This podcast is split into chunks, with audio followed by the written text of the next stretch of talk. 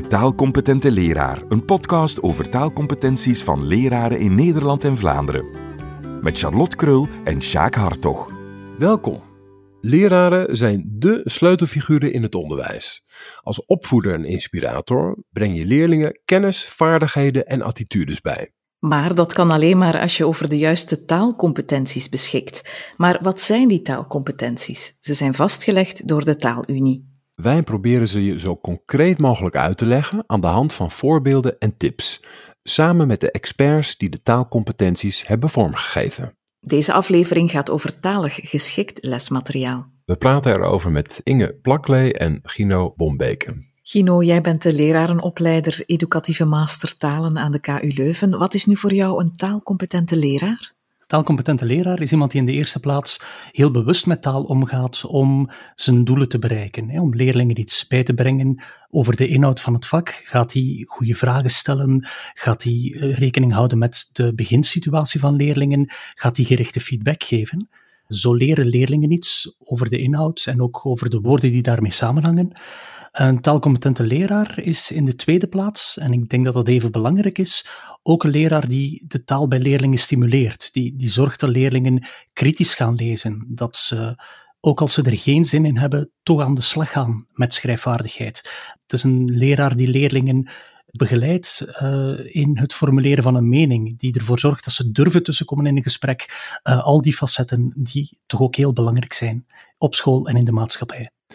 Inge, jij werkte als lerarenopleider project Algemene Vakken aan de Vrije Universiteit van Brussel en Hogeschool PXL. Uh, ook voor jou de vraag, wanneer is een leraar taalcompetent? Een leraar moet beschikken over competenties die hem in staat stellen om taal passend en bewust te kunnen inzetten en in staat zijn om een breed repertoire aan talige middelen en registers te gebruiken voor zowel didactische, pedagogische en professionele doelen. Talig lesmateriaal of teksten zijn daarbij heel belangrijk. Uh, Gino, waarmee gaat een taalcompetente leraar het best mee aan de slag in de klas?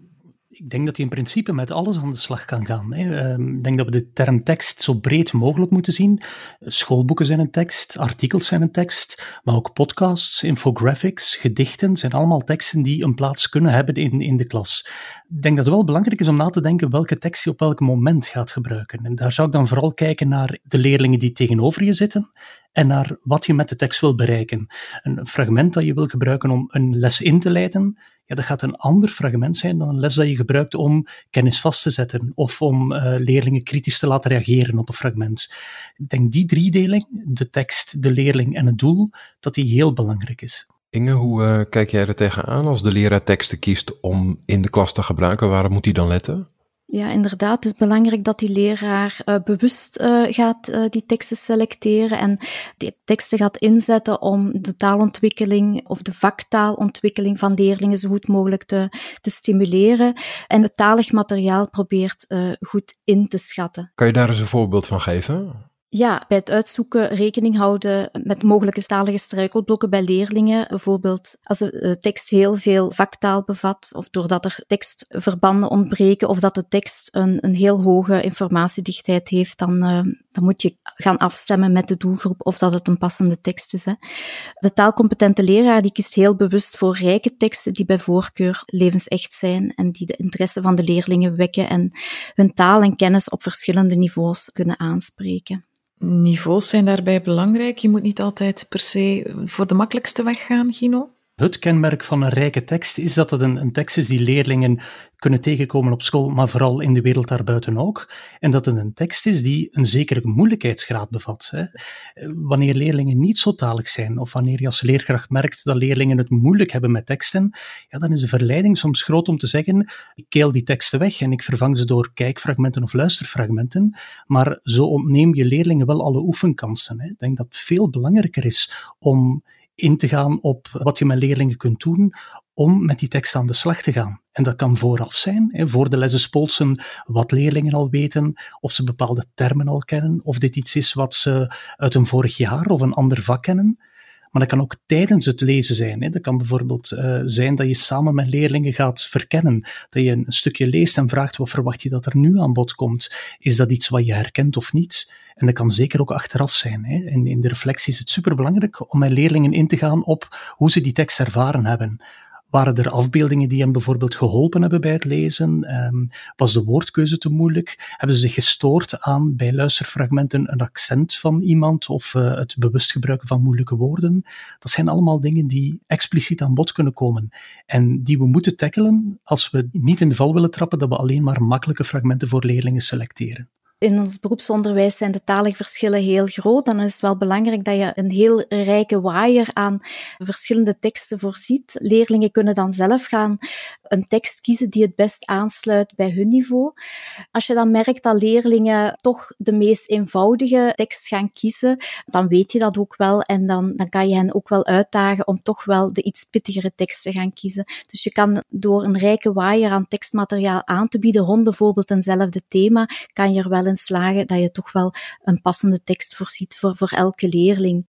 Inge, als er geen teksten voorhanden zijn, waarop uh, kan je dan wel een beroep doen?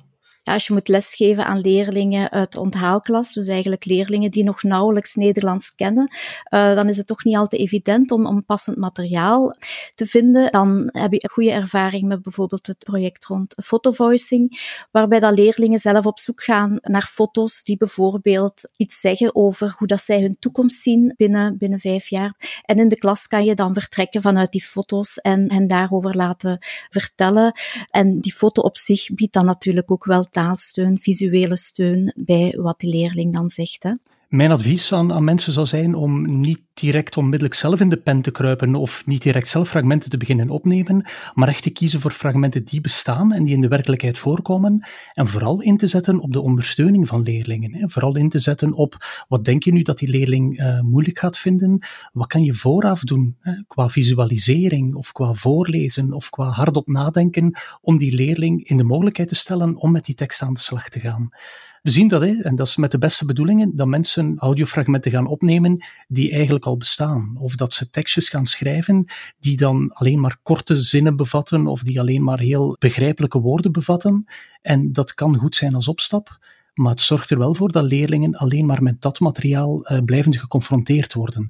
Dus ik zou vooral inzetten op de ondersteuning eerder dan op het aanmaken van nieuw materiaal.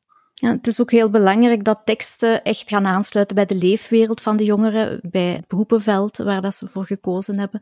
Uh, nu, je moet ook natuurlijk niet uh, blijven stilstaan enkel bij die leefwereld. Het is ook de bedoeling dat we die leefwereld gaan verruimen.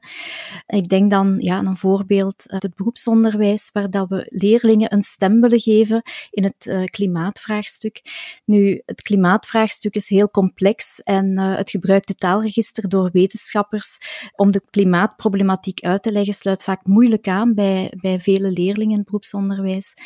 En uh, ja, ding hebben we hier een community service learning project opgezet, waarbij dat studentleraren samen met de lokale organisaties leerlingen proberen te engageren voor het klimaatvraagstuk. En uh, de problematiek van de klimaatverandering wordt daarbij zoveel mogelijk via gevarieerde audiovisuele beeldmaterialen verduidelijkt.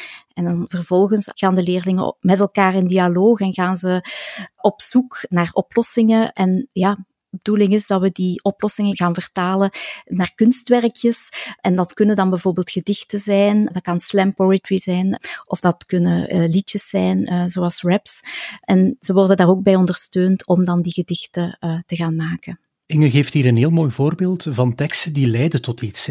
Teksten die leerlingen uitnodigen om zelf aan de slag te gaan, om dingen te maken, om een mening te wisselen. En laat dat nu net een kenmerk zijn van teksten waar we als leraar soms aan voorbij gaan. Hè. Meestal kiezen we een tekst omdat we die inhoudelijk interessant vinden. En dan nemen we die mee naar de klas, dan lezen we die, we stellen er wat vragen over en daar eindigt het dan. Een goede tekst, die zorgt ervoor dat leerlingen aan de slag gaan, dat ze hun meningen gaan confronteren, dat ze samen gaan leggen en daarbij is het ook superbelangrijk om niet bij één tekst stil te staan, maar echt te zien hoe verschillende auteurs of hoe verschillende bronnen met informatie omgaan, zodanig dat het aspectje van bronselectie en het eh, beoordelen van informatie ook een plaats krijgt in die klas. Ik wil even inhaken op wat uh, Inge daarnet zei over het klimaatvraagstuk. Ik heb toevallig twee maanden les gegeven op een school in Amsterdam, uh, groep 7. er zitten een paar leerlingen die krijgen één keer per week een pittige plus-klas, omdat die extra uitgedaagd moeten worden. Die hebben deelgenomen aan een landelijke wedstrijd om een klimaatprobleem op te lossen. En van de 130 scholen zijn ze tweede geworden. En wat hadden ze nu bedacht voor het klimaatvraagstuk? Ze hadden een vogel, een robotvogel bedacht die wolken produceert om op plekken waar het klimaat eigenlijk kouder moet blijven, om daar eh, met die wolken ervoor te zorgen dat het niet te warm wordt. Dus ze waren op het Jeugdjournaal geweest en uh, ze hadden de tweede plaats uh, gewonnen. Schitterend, hè? En dat geeft ook die leerlingen een enorme boost om, ja, om zich toch wel nog meer te gaan inzetten voor het klimaat en, en taal ook wel te gebruiken, heel functioneel in te zetten voor, voor een thema. Hè? Het is ook een heel mooi voorbeeld van een opdracht die tekstonafhankelijk is. Als je als leerkracht dat soort opdrachten hebt, ja, dan maakt het niet uit of je dat volgend jaar met geschiedenis wil doen, of met fysica wil doen, of met techniek wil doen, of met voeding wil doen. Uw opdracht blijft overeind en is een rijke opdracht. En uw tekstmateriaal, ja, dat kun je laten aanpassen aan de leerling die voor je zit, op vlak van profiel, maar ook op vlak van moeilijkheidsgraad.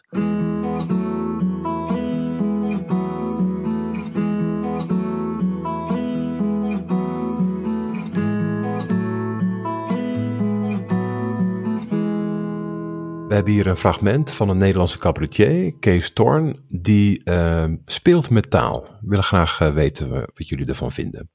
Jullie mogen meedoen met het volgende nummer. Dat bestaat namelijk uit nummers, of uit regels, waarvan het laatste woord uh, moet vertaald worden in het Engels om het laatste woord te krijgen. In het Nederlands, zodat het laatste woord um, blijkt te zijn.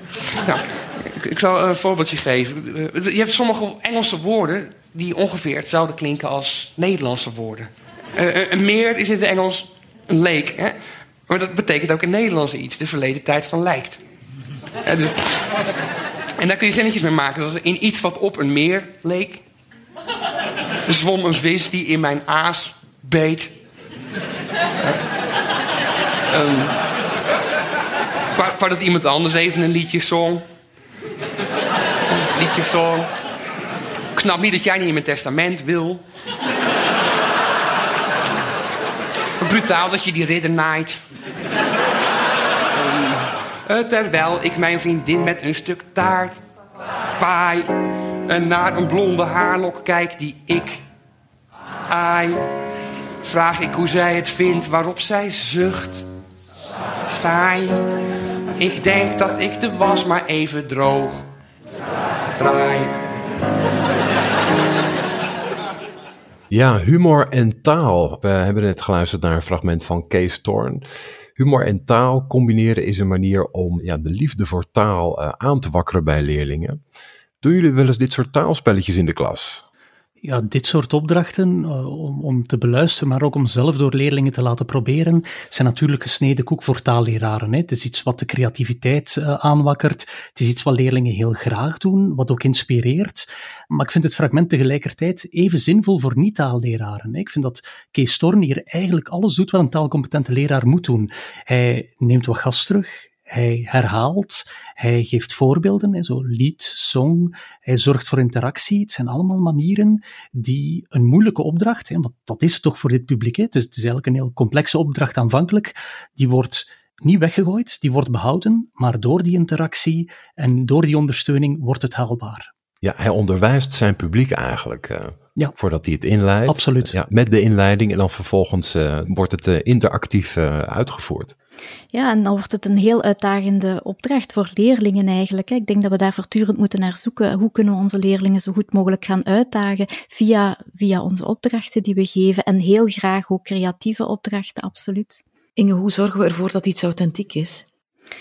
Ik ga dat illustreren aan de hand van een voorbeeld. Uh, ik bereid eh, studenten voor op het lesgeven in het beroepsonderwijs en uh, daar proberen we toch ook wel de link te leggen met een beroepenveld. En zo hebben mijn studenten ja, een podcast gemaakt voor bejaarden en voor en door bejaarden. Eerst maakten ze een handleiding via Bookcreator waarbij dat leerlingen stapsgewijs voorbereid worden op het maken van een podcast.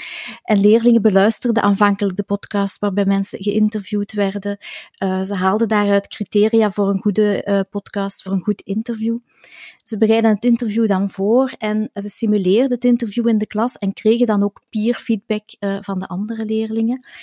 En uiteindelijk maakten ze afspraken met het woonzorgcentrum en namen ze de interviews af. En elk ja, interview startte met het lievelingsliedje van een bejaarde. En nadien werden de interviews verzameld in een podcast en gedeeld met de bewoners. En zowel het voorbereiden, het vastleggen van de afspraken, het afnemen van de interviews en het zich verdiepen in het maken van een podcast zijn eigenlijk uh, ja, rijke talige competenties. Het voorbeeld dat Inge geeft vind ik een heel warm voorbeeld, is een mooi voorbeeld en is ook een voorbeeld van iets wat leraren anders heel schools aan bod laten komen. Um, je had ook een les kunnen geven over het interview en dan als toets een interview laten horen en uh, vragen stellen over hoe een gesprek op gang blijft of wat pro- en contra-argumenten zijn. Maar hier krijgt het echt een authentieke invulling. Het is iets wat buiten de klas ook waarde heeft en wat leerlingen ook gaan, goed gaan willen doen. Um, heel wat feedback die je anders als leerkracht moet geven over hoe leerlingen praten, over hoe leerlingen vragen stellen, gaan ze nu zelf bij elkaar ontdekken of gaan ze nu bij zichzelf ontdekken. Ik ben er zeker van dat heel wat leerlingen tegen Inge zeiden van, goh, ja, we hebben die opname een keer of vijf gemaakt, omdat het de eerste keer te stil was. Of we hebben dat opnieuw gedaan, omdat die persoon niet goed uit de verf kwam. Dat zijn dingen die je niet bereikt wanneer je leerlingen heel schools één na één vooraan voor de klas laat komen om een PowerPoint af te rammelen. Dus in dat opzicht vind ik dat een superknappe opdracht.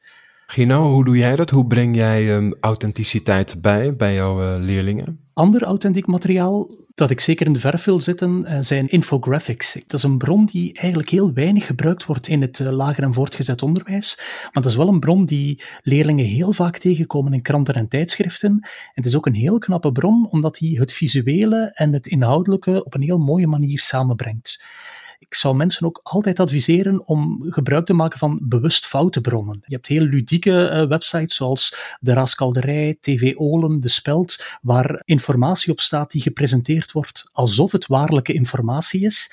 En als je niet goed oplet en je haalt die uit die context, ja, dan duurt het soms wel even voor je door hebt dat dat een valse bron is. Hè. Zeker in het kader van uh, fake news, zeker in het kader van iedereen kan zomaar zijn mening gooien alsof het een feit is, lijkt mij het omgaan met bewust foute bronnen een heel mooi element om in elk vak aan bod te laten komen.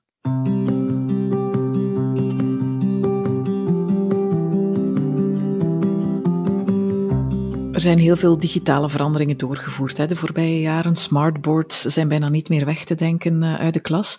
Digitalisering biedt mogelijkheden. Ook met smartphones kan je tegenwoordig al heel veel maken. Hè? Ja, als ik nu denk aan een, een photo-voice project waarbij dat leerlingen naar buiten trekken en proberen foto's te nemen van dingen die ze heel belangrijk vinden, dan hebben ze een smartphone bij en dan kunnen ze daar foto's van nemen. En vaak heeft dat ook wel een goede kwaliteit. En in de klas kan je daar dan mee aan de slag en, en leerlingen kunnen dan daar rond vertellen wat dat die foto precies voor, voor hen gaat betekenen. Hè.